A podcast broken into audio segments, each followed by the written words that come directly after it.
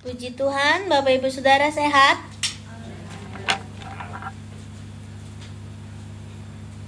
Ya, gitu dong, ya. Um, mulai dari mana ya Bapak Ibu Saudara ya? Mulai dari uh, firman Tuhan Bapak Gembala semalam, ya. Bapak Gembala semalam khotbah apa ya Bapak Ibu Saudara yang hadir semalam? Yakub. Oke. Kita lanjutin ya supaya seperti cerita berseri. Ya. Begini.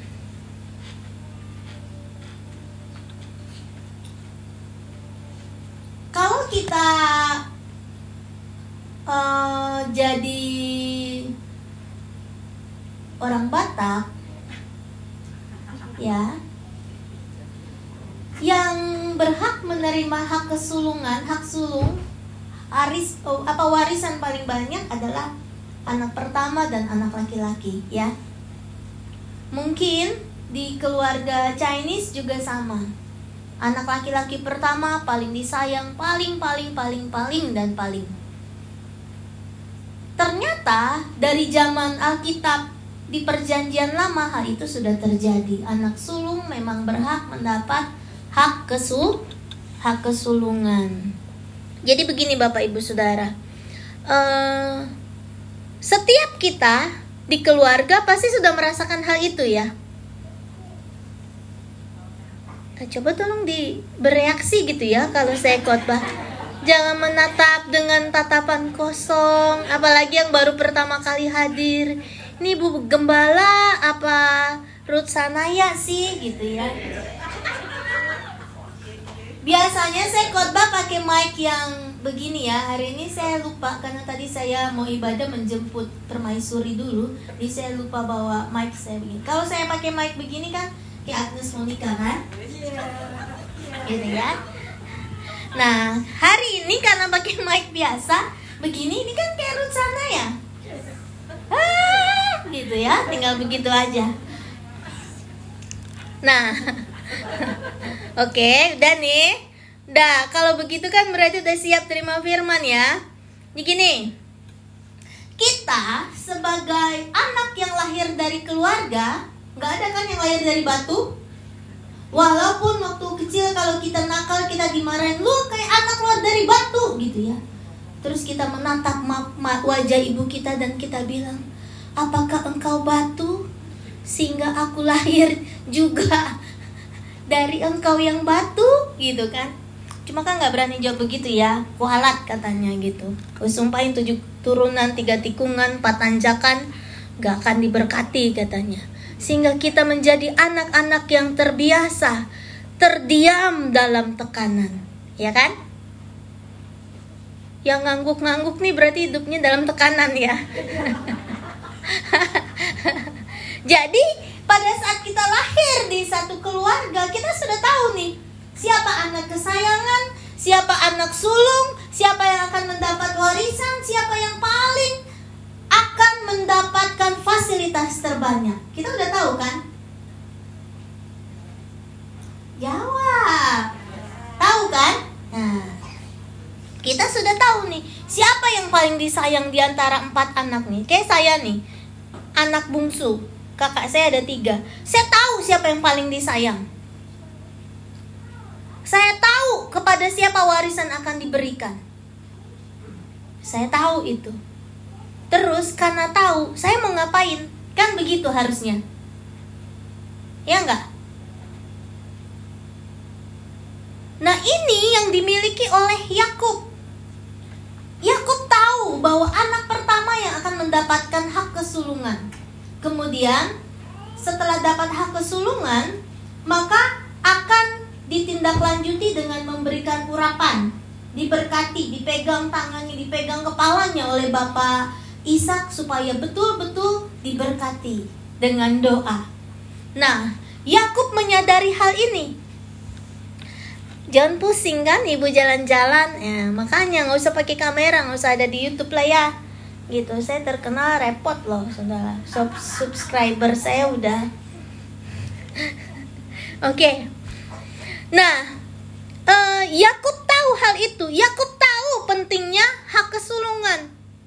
Nah, semalam Bapak khotbah cuma sampai uh, Esau menjual hak kesulungannya dan ada kepada Yakub. Tapi itu harus ditindaklanjuti dengan Yakub, uh, dengan Yakub mendapatkan doa dari Bapak Isa. Ya, sampai sini paham ya? Oke, kita baca dulu Alkitab kita supaya seperti khotbah. Kejadian 32 ayat 28. Kejadian 32 ayat 28.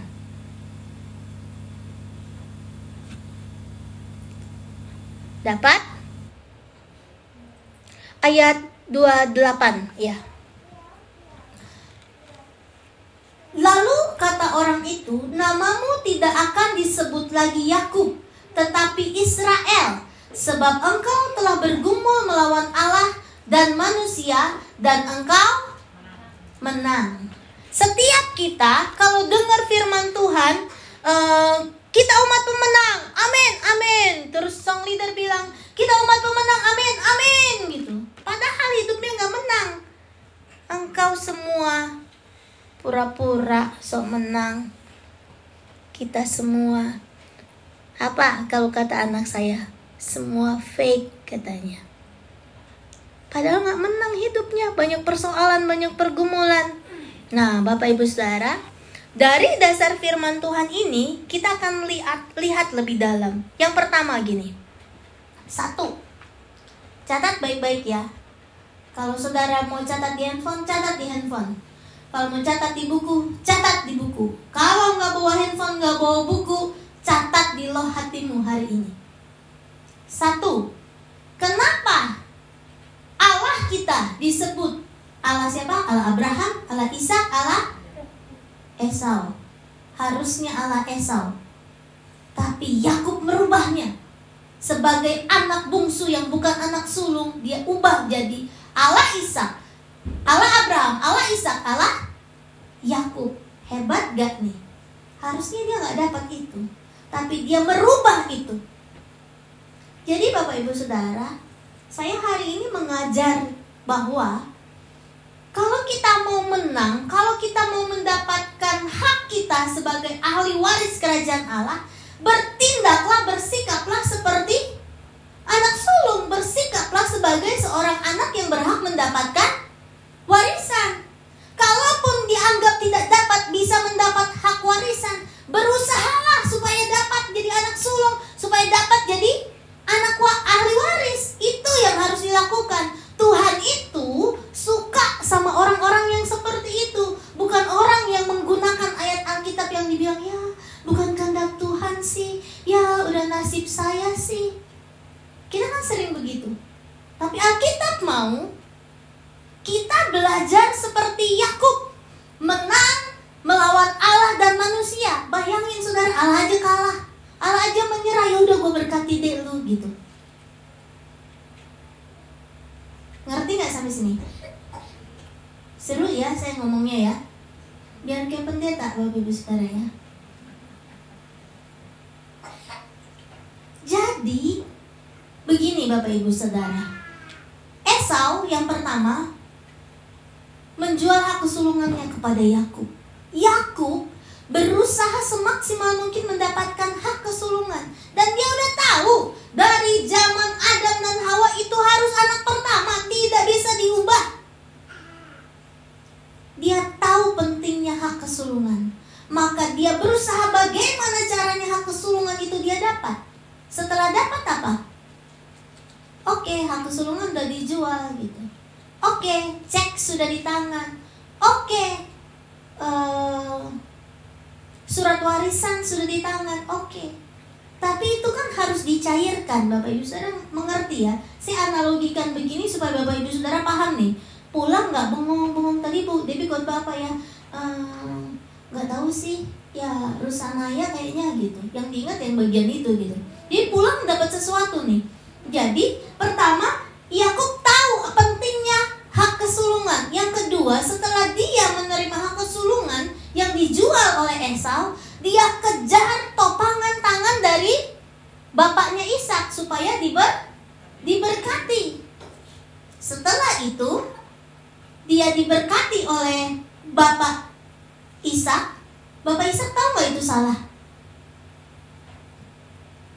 Halo, tahu nggak itu salah? Tahu. Eh, eh salah ternyata. Abis memberkati uh, Yakub, Esaunya datang, Bapak ini makanan lo. Tadi yang aku berkati siapa? Yakub. Aduh, dia nipu aku. Bapak Ibu Saudara, saya mau bilang begini. Kalau ini kisah adalah sesuatu yang tidak benar, tidak akan tercatat di Alkitab. Ngerti ya maksud saya? Tuhan itu mau kita tuh jadi orang-orang yang menerobos, yang mendapatkan kemenangan dengan berjuang, bukannya nggak ngapa-ngapain kemenangan. Dapat gitu. Suka ambil ayat-ayat yang easy, yang gampang. Engkau akan diam saja dan Allah akan memberikan kemenangan. Maunya kan gitu. Seperti zamannya Musa, kamu akan diam saja dan engkau akan mendapatkan kemenangan. Tapi hei lihat, itu terjadi pada saat zaman Yakub. Dia harus berusaha untuk mendapatkan hak sulung itu, warisan itu, kemenangan itu, berkat itu. Bukannya diam aja. Ya, jadi dia kejar penopangan tangan dari Bapak Isa supaya ada di atas kepalanya dan dia diberkati. Habis itu, mau Esau marah, mau apa, iya, it's okay. Hidup memang tidak bisa menyenangkan hati semua orang. Setuju? Setuju? Lakukan ya pulang ya. Lakukan pulang ya. Berani gak nih? Udah setuju gak mau berani melakukan. Kadang-kadang kita sibuk jaga image kita. Apa itu? Saudara, saudara jangan tertipu dengan foto di Instagram, foto di Facebook, foto di WhatsApp, status di Facebook, Instagram, WhatsApp. Semua itu fake. Cuma saya kali yang taruh foto yang lagi begini yang lagi apa yang lain kasih pasti fotonya bagus. Kopi dari atas gitu ya. Terus makanan dari samping mau minum pura-pura minum foto foto mah foto mah gitu. foto cekrik gitu ya. Terus papa papa sini pak pegangan tangan pak foto cekrik. Semua itu brand image supaya kita dipandang ah keluarga Bu Devi harmonis. Oh Devi sama bapak tidak pernah bertengkar. Padahal tiap hari bertengkar bapak tegang banget dan mukanya dia mau ngomong apa lagi nih bini gue nih gitu ya. Istriku nih mau ngomong apa lagi? Ya memang hidup itu begitu. Yang ada di TV yang ada di sosial media semua Dunia tipu-tipu. Di dunia tipu-tipu. Ada yang tahu lagu itu? Nggak ada ya. Cuma saya memang yang tren. Nah Bapak Ibu Saudara Begitu Dia tunggu sampai Ishak memberkati. Setelah Ishak memberkati Kemudian Esau datang. Tahu nggak? Celaka nih katanya. Celaka. Aku sudah memberkati Yakub. Esau bilang Bapak nggak ada berkat lain? Buat aku sorry nggak ada. Kamu akan bekerja keras. Kamu akan bekerja dengan pedangmu. Karena kamu udah jual dan karena berkat sudah diberi kepada Yakub. Orang banyak memikirkan bahwa menipu Yakub menipu Yakub menipu. Tapi itu adalah skenario Allah untuk memperlihatkan bahwa keselamatan bisa didapat hanya bukan untuk orang Israel tapi orang yang mau percaya kepada Yesus. Itu gambarannya. Itu juga gambaran yang Allah mau kasih lihat sama kita bahwa kemenangan hak waris apa pun yang saudara inginkan dan cita-citakan mungkin tercapai dengan cara Tuhan, dengan kerja keras. Itu yang Allah mau kasih tahu loh lewat cerita Yakub ini. Bisa diubah loh adat istiadat bisa diubah loh peraturan dari zaman dulu sampai uh, zamannya Yakub itu. Bisa diubah oleh siapa? Oleh seorang Yakub. Inilah kisah yang menginspirasi saya supaya Debbie kamu anak bungsu, tapi kamu harus jadi anak yang punya hak kesulungan. Debbie kamu anak bungsu tapi kamu harus jadi anak yang punya hak waris dari sorga walaupun gak dapat hak waris dari dunia. Ini yang mengajarkan Pak Krisno. Kamu lepaskan hak kesulungan di bumi tapi dapatkan hak kesulungan dari sorga. Dapatkan hak warisan dari sorga. Itu yang Tuhan mau.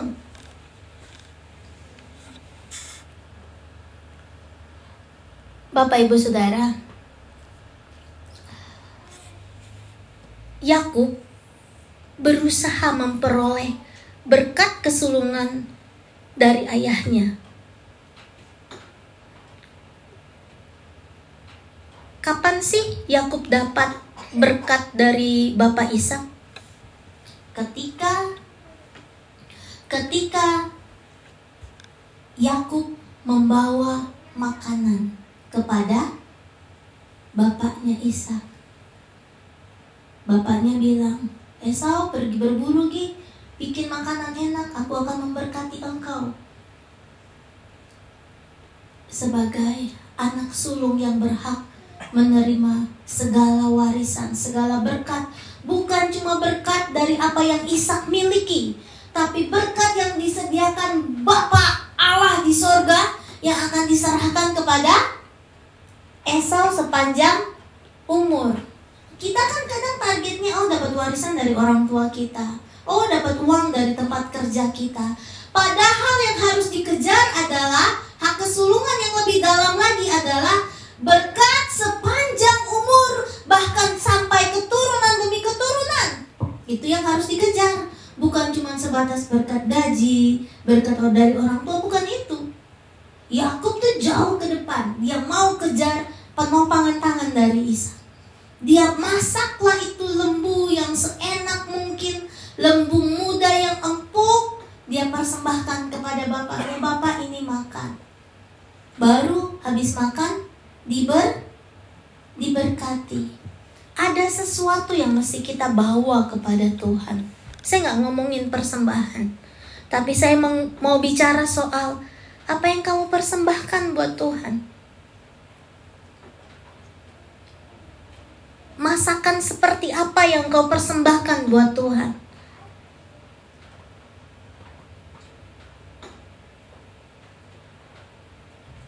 Yakub mengejar hak kesulungan dengan melakukan yang terbaik. Dia kasih kambing, masakan kambing yang enak, yang mudah, yang empuk, dia berjibaku di dalam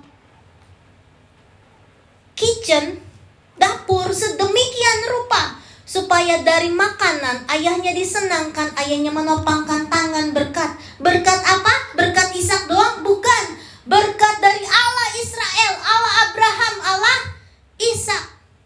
Sehingga pada saat tangannya Ishak tuh nempel, plok, dia tahu sekarang aku akan memberkati keturunan demi keturunanku dengan berkat Allah Israel. Allah Abraham, Allah Ishak dan Allah Yakub. Babai Esau.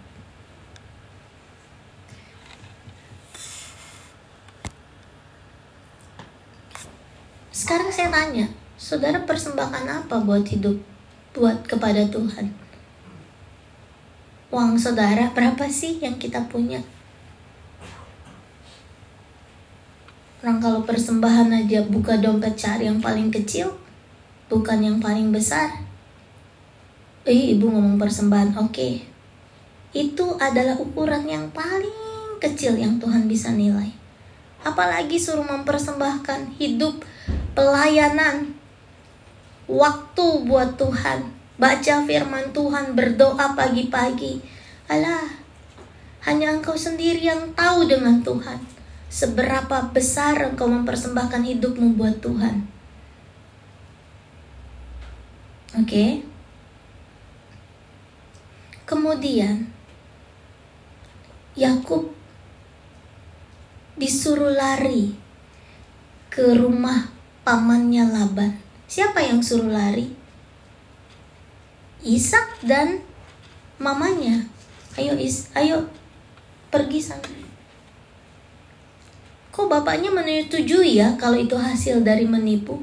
Artinya apa? Allah memperhatikan usahamu.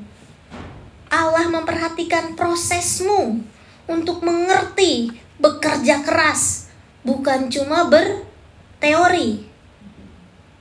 Sampai Ishaknya bilang, eh, eh, eh, eh, udah salah, udah salah. Harusnya Esau Yakub. Ya udah es, ya Esau pasti ngamuk nih. Udah kamu pergi ya, pergi. Diberkati lagi Allah. Engkau akan diberkati dengan keturunan-keturunan yang baik. Engkau akan diberkati di mana pun engkau berada. Diberkati lagi. Kalau dia hasil menipu, kan bapaknya mana dong? Kurang ajar, kutu kupret. Kucing belang. Uh, semua caci maki akan keluar dari mulutnya Ishak tapi enggak karena dia tahu apa yang sudah diberikan nggak bisa ditarik lagi. Apa pun caranya. Bukan membenarkan segala cara bukan. Tetapi apa pun sudah kalau sudah tangan Tuhan menopang memberkati mengurapi itu akan jadi seperti semalam hamba-hamba Tuhan ketua-ketua komsel didoain ditopangin tangan.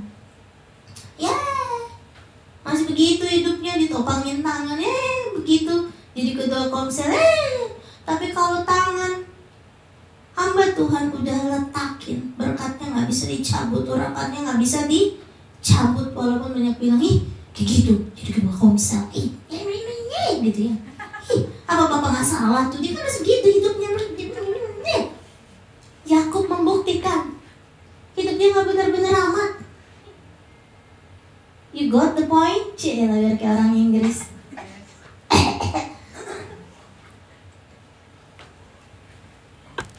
Kalau sudah ditopang tangan nggak bisa ditarik lagi berkatnya udah ada, udah mengalir. Jadi Yakub lari ke Mesopotamia ke rumahnya Laban. Ya. Esau menikah dengan orang yang bukan orang Kanaan. Lalu akhirnya gini loh Bapak Ibu Saudara, saya ceritain gini ya. Agak ribet sini, tapi saya mau cerita supaya Bapak Ibu Saudara mengerti. Waktu Esau marah, bapaknya bilang, "Udah kamu lari sana ke rumah Laban." Terus pesan bapaknya apa? Nikahi wanita Kanaan, jangan yang lain. Keturunan dari keturunan ilahi Oke, oke, oke. Esau dengar, wah gile, salah dong gue. Ternyata Allah punya pemandangan sendiri yang tidak dilihat oleh manusia. Esau sudah dua kali menikah dengan bukan orang Kanaan.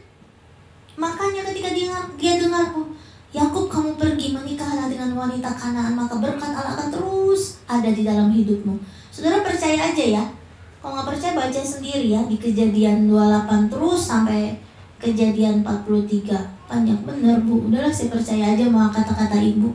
Kalau ibu bohong ibu dosa sendiri. Oke okay, fine. Esau dengar itu terus dia wah salah nih gue. Ya udah kali aja berkatnya ada lagi. Gue nikah lagi deh sama wanita kanaan ya nikah dengan wanita kanaan saudara lihat Yakub menghasilkan hak kesulungan dengan cara menipu, tetapi berkat demi berkat terus mengikuti karena memang yang Yakub kejar hak kesulungan. Dia tidak melakukan hal lain yang celah. Perhatikan baik-baik. Dia berusaha dengan cara apa pun supaya dapat hak kesulungan, tapi dia hidup sesuai dengan perintah bapak dan ibunya. Perhatiin baik-baik, nah saudara, perintah orang tua nggak diikutin, perintah Tuhan apalagi orang Tuhan nggak kelihatan gitu kecuali kalau saudara berdosa terus kesambar petir eh ya udah deh ya udah deh ya udah gitu kan enggak perhatikan baik-baik kemudian di rumah Laban bapak semalam udah cerita. Dia bekerja tujuh tahun supaya dapat Rachel. Ternyata dikasih Leah kerja lagi tujuh tahun supaya bisa dapat hak penuh. Rachel. Panjang. Sekate-kate. Mau dipanggil jadi Allah Israel, Allah Abraham, Allah Ishak, Allah Yakub. Prosesnya panjang cuy. Seperti kedip-kedip mata jadi, kedip-kedip mata jadi, nggak gitu. 14 tahun di rumah Laban, apa yang dilakukan Yakub? Apa coba?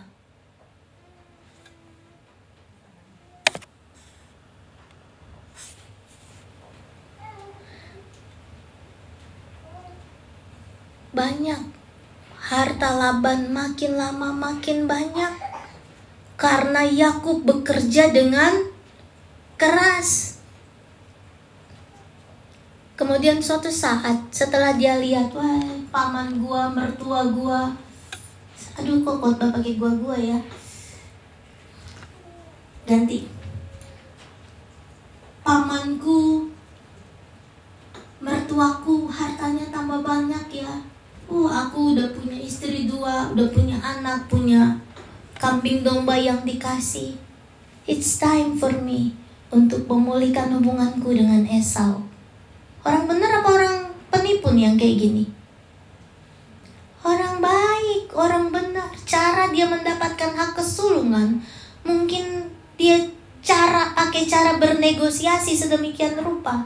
Tapi setelah dia dapat, dia tahu bagaimana harus memulihkan hubungan, berrekonsiliasi.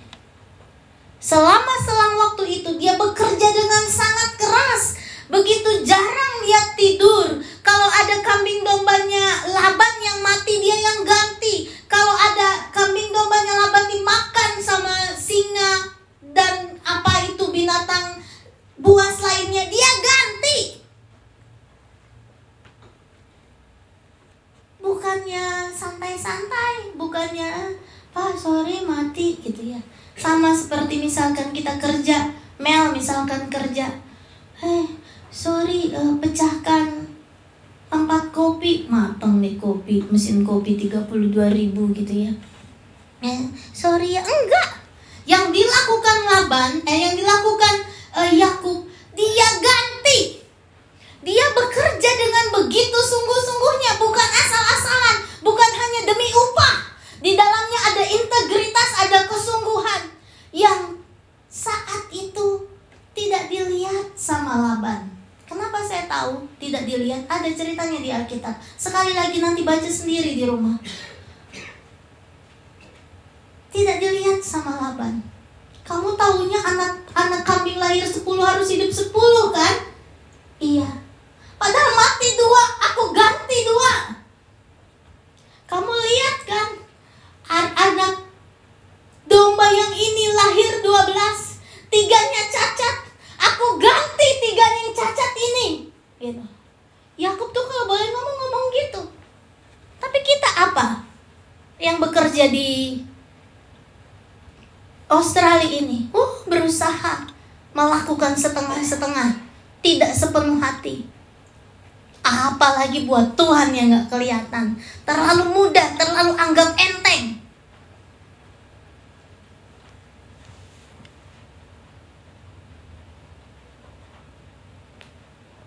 Ketika dia bilang aku mau pulang ke tanah orang tuaku.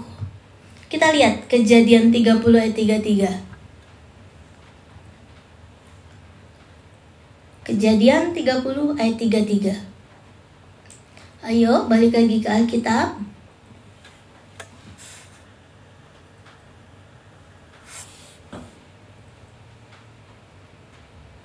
Kejadian 30 ayat 33. Dan kejujuranku akan terbukti di kemudian hari apabila engkau datang memeriksa upahku Segala yang tidak berbintik-bintik atau berbelang-belang di antara kambing-kambing dan yang tidak hitam di antara domba-domba, anggaplah itu tercuri olehku. Bapak Ibu Saudara, banyak orang bilang ini penipuan berikutnya dari Yakub terhadap mertuanya, terhadap pamannya Laban. Ketika dia minta izin mau pergi, pulang kampung lagi, dia bilang, "Kasih upahku." Ya jadi apa mau upahnya? Semua ternak yang belang-belang kasih sama aku. Yang hitam yang putih buat kamu, yang belang-belang aja buat aku. Gimana caranya supaya semua kambing belang? Dia putar otak lagi kan? Ya betul ini. Ada di Alkitab, nggak percaya baca sendiri ya. Sekali lagi, percaya aja kalau nggak mau baca Alkitab sendiri. Yakub mikir lagi nih. Tahu dia ngomong asal aja gitu ya. Tapi saya yakin ini bukan ngomong asal-asal. Orang yang diurapi Tuhan. Urapan itu beda dengan hidup benar dan enggak. Urapan Tuhan tetap ada di atas kepala. Nya Yakub. Ya ngomong asal aja, yang belang-belang buat saya. Gimana caranya ya? Ini biar kambing domba yang dilahirin kemudian belang-belang. Ada kisahnya dia potong satu batang pohon yang ketika sudah kena angin, kena oksigen akan jadi belang-belang. Dia taruh di atas palungan. Biasanya kambing domba kalau lagi minum sambil berkawin ditaruh jadi matanya belang-belang gitu kayak kena hipnotis gitu ya akhirnya lahirnya domba-domba belang-belang. Percaya nggak bapak ibu saudara. Itu kata di Alkitab. Saya nggak bohong nih bener. Ditaruh nih batang belang-belang nih ya. Ditaruh di atas palungan dia minum nyu nyu nyu terus sambil dia berkawin lahirlah domba-domba kambing yang belang-belang dihipnotis aneh ya? Aneh. Dapat dari mana hikmat itu? Dari berkat hak kesulungan. Tetapi hak kesulungan bukan cuma sekedar hak kesulungan. Sepanjang hidupnya 14 tahun dengan Laban, dia bekerja dengan sungguh-sungguh, dengan integritas yang tinggi. Di situ malah dibilang, dan kejujuranku akan terbukti. Bukan diwarna-warnain gitu. Kita yang simpel kan, oh kita warnain aja cat di apa tuh? Warnain rambut kayak Bu Dede gitu. Diwarnain kambing apa bulu dombanya gitu. Enggak. Enggak begitu caranya dia menggunakan cara dan hikmat yang dari Tuhan.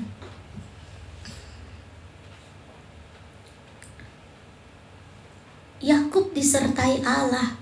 Tapi ketika Laban tahu, eh, kok yang belang-belang lebih banyak daripada yang hitam polos dan yang putih polos. Dikejar-kejarlah itu si Yakub. Hei, orang yang diberkati Tuhan bukan berarti nggak ada masalah Orang yang sudah mendapatkan hak kesulungan bukan berarti tidak dikejar-kejar musuh.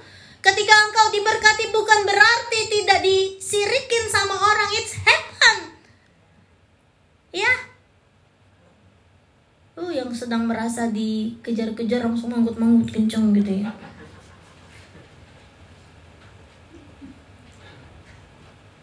Tapi Yakub berani menghadapi Laban, berani diadili. Coba lihat nih. Kejadian 31 ayat 38 sampai 42. Kejadian 31 ayat 38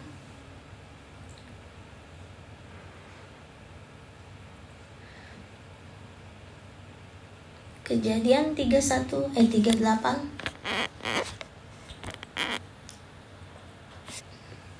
nih perkataan Yakub yang tadi saya ngomong ya supaya terbukti saya nggak bohong gitu. Ya kadang-kadang pendeta aja masih dituduh bohong soalnya. Ah bohong loh gitu ya ini mau nggak mau saya membuktikan diri bahwa yang saya khotbahin benar ya Selama 20 tahun, 38 dulu Selama 20 tahun ini aku bersama-sama dengan engkau Laban Domba dan kambing betinamu tidak pernah keguguran dan jantan dari kambing dombamu tidak pernah kumakan. Tuh integritasnya luar biasa. 39. Yang diterkam oleh binatang buas tidak pernah kubawa kepadamu. Aku sendiri yang menggantinya.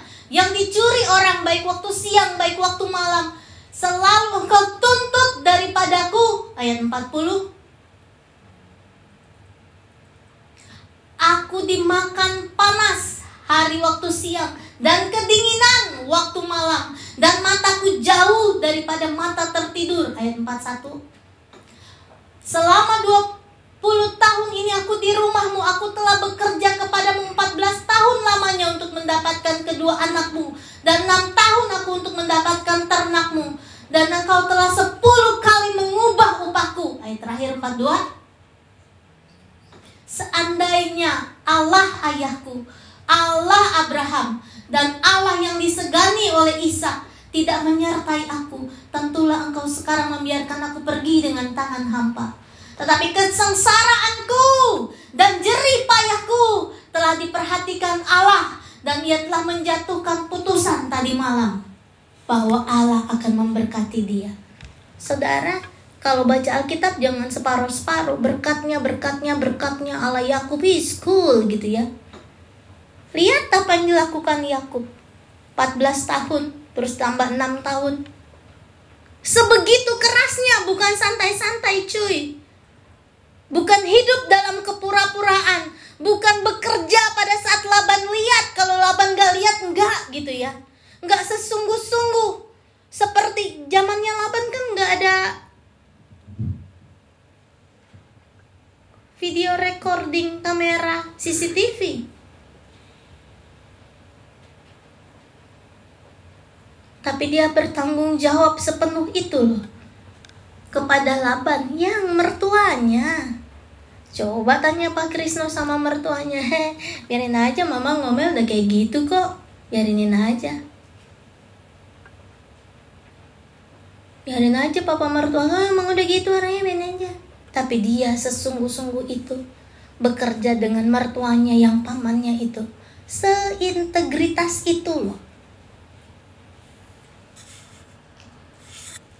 Mustahil Yakub selalu beruntung menerima berkat demi berkat sejak zamannya kacang merah sampai dia sudah beranak pinak, sudah punya dua istri, sudah punya beberapa gundik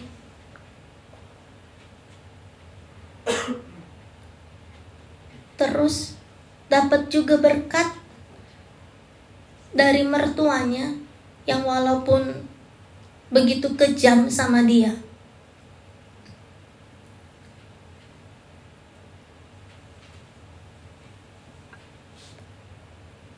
So hari ini cek hidupmu. Yang dikejar bukan cuma berkat warisan dari orang tua kita. Jadi begini Bapak Ibu Saudara, hari ini saudara bekerja keras, saudara kejar Tuhan, cari Tuhan supaya dapat berkat. Itu kayak anak kecil tahu. Mami, aku dapat nilai 10, kasih aku hadiah. Mami, aku naik kelas. Kasih aku hadiah itu kayak anak kecil, Saudara. Tuhan, aku udah baik kasih berkat. Tuhan, aku udah melakukan yang baik, kasih berkat. Itu kayak anak kecil. Yang Yakub lakukan. Aku bekerja dengan keras sama Laban. Walau dengan urapan yang dari Tuhan, berkat dari Isa. Tapi yang aku kejar bukan semata-mata ternak kekayaanku jadi banyak, berkatku jadi banyak, aku dihormati. Aku tidak akan dikejar-kejar musuh, Aku akan hidup damai-damai saja. Bukan cuma itu yang dikejar sama Yakub. Tapi dia mau Allah Israel ada terus dalam kehidupannya. Berkat Allah Israel terus ada dalam hidupnya sampai keturunan demi keturunan. Semalam Bapak bilang, awalnya hak kesulungan cuma ada di anak sulung, tapi di anaknya Yakub. Berapa? menjadi 12 keturunan Israel yang namanya tercatat sampai hari ini, yang namanya dikenal sampai hari ini, yang berkatnya tidak pernah berhenti sampai hari ini.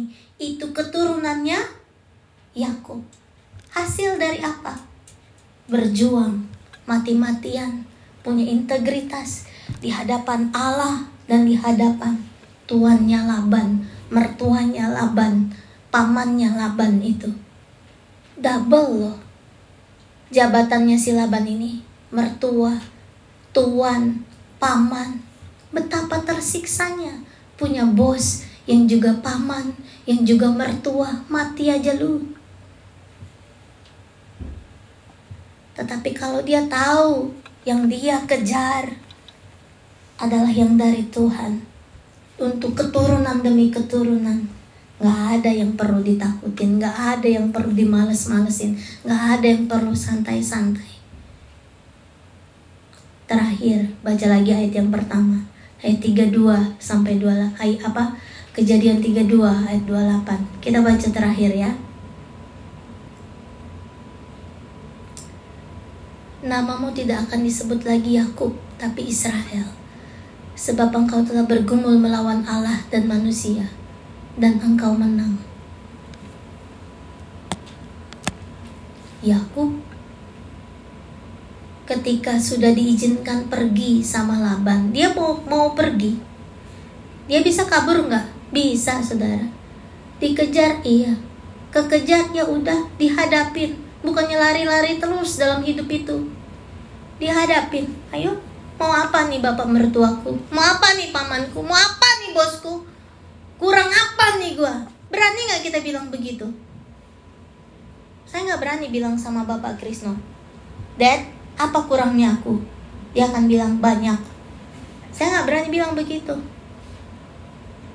tapi saya bisa bilang sama Tuhan Tuhan semampu-mampunya saya lakukan buat Tuhan saya lakukan sekarang saya tanya sama saudara saudara bisa bilang nggak sama Tuhan Tuhan apa yang nggak pernah saya lakukan buat Tuhan atau saudara bisa nggak bilang sama bos, bos, apa yang aku lakukan buat engkau bos? Yang sekarang masih jadi PR saya adalah saya berani tanya sama Pak Krisno, Pak, apa yang kurang yang saya lakukan buat Bapak?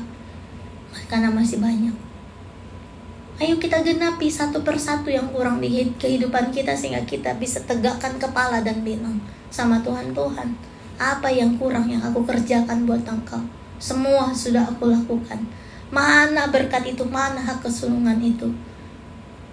Tapi setelah engkau melakukannya sekeras itu, seperti Yakub bekerja 20 tahun.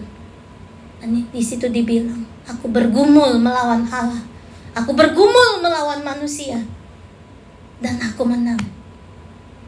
Sekarang kalau cuma bergumul dengan ah izin tinggal, ah gak punya duit, ah belum dapat jodoh, ah lagi berantem, ah mau dipecat, aku habis dimarahin. Tuhan bilang kicit.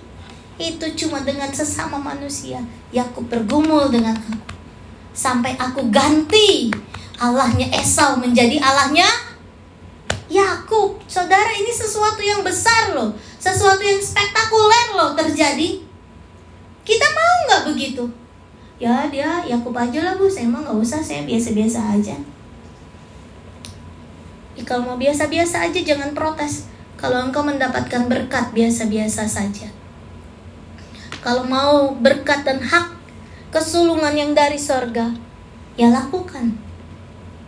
Hadapi tantangan, pencobaan. Saudara mungkin ada di antara kita yang mengalami kegagalan di rumah tangga. Aku gagal, tapi kita bisa bilang Tuhan, kegagalanku ini. Iya aku gagal Tuhan dalam pernikahanku Tapi aku sudah lakukan sekeras-kerasnya untuk mempertahankan. Kalau ternyata aku gagal, aku ditinggalkan, aku harus berpisah Tuhan lihatlah ada celah nggak di hidupku. Tuhan bilang oh nggak ada. Engkau berhak mendapatkan berkat. Tuhan aku nih Anak yang dibuang tidak berhasil dicap gagal. Tapi Tuhan lihat bagaimana aku belajar Bagaimana aku bekerja. Tuhan tolong berkati aku. Tuhan bilang oke okay, engkau nggak disayang engkau diber, nggak diberkati engkau dibuang. Hari ini aku berkati engkau. Sudah ngerti maksud firman Tuhan siang hari ini?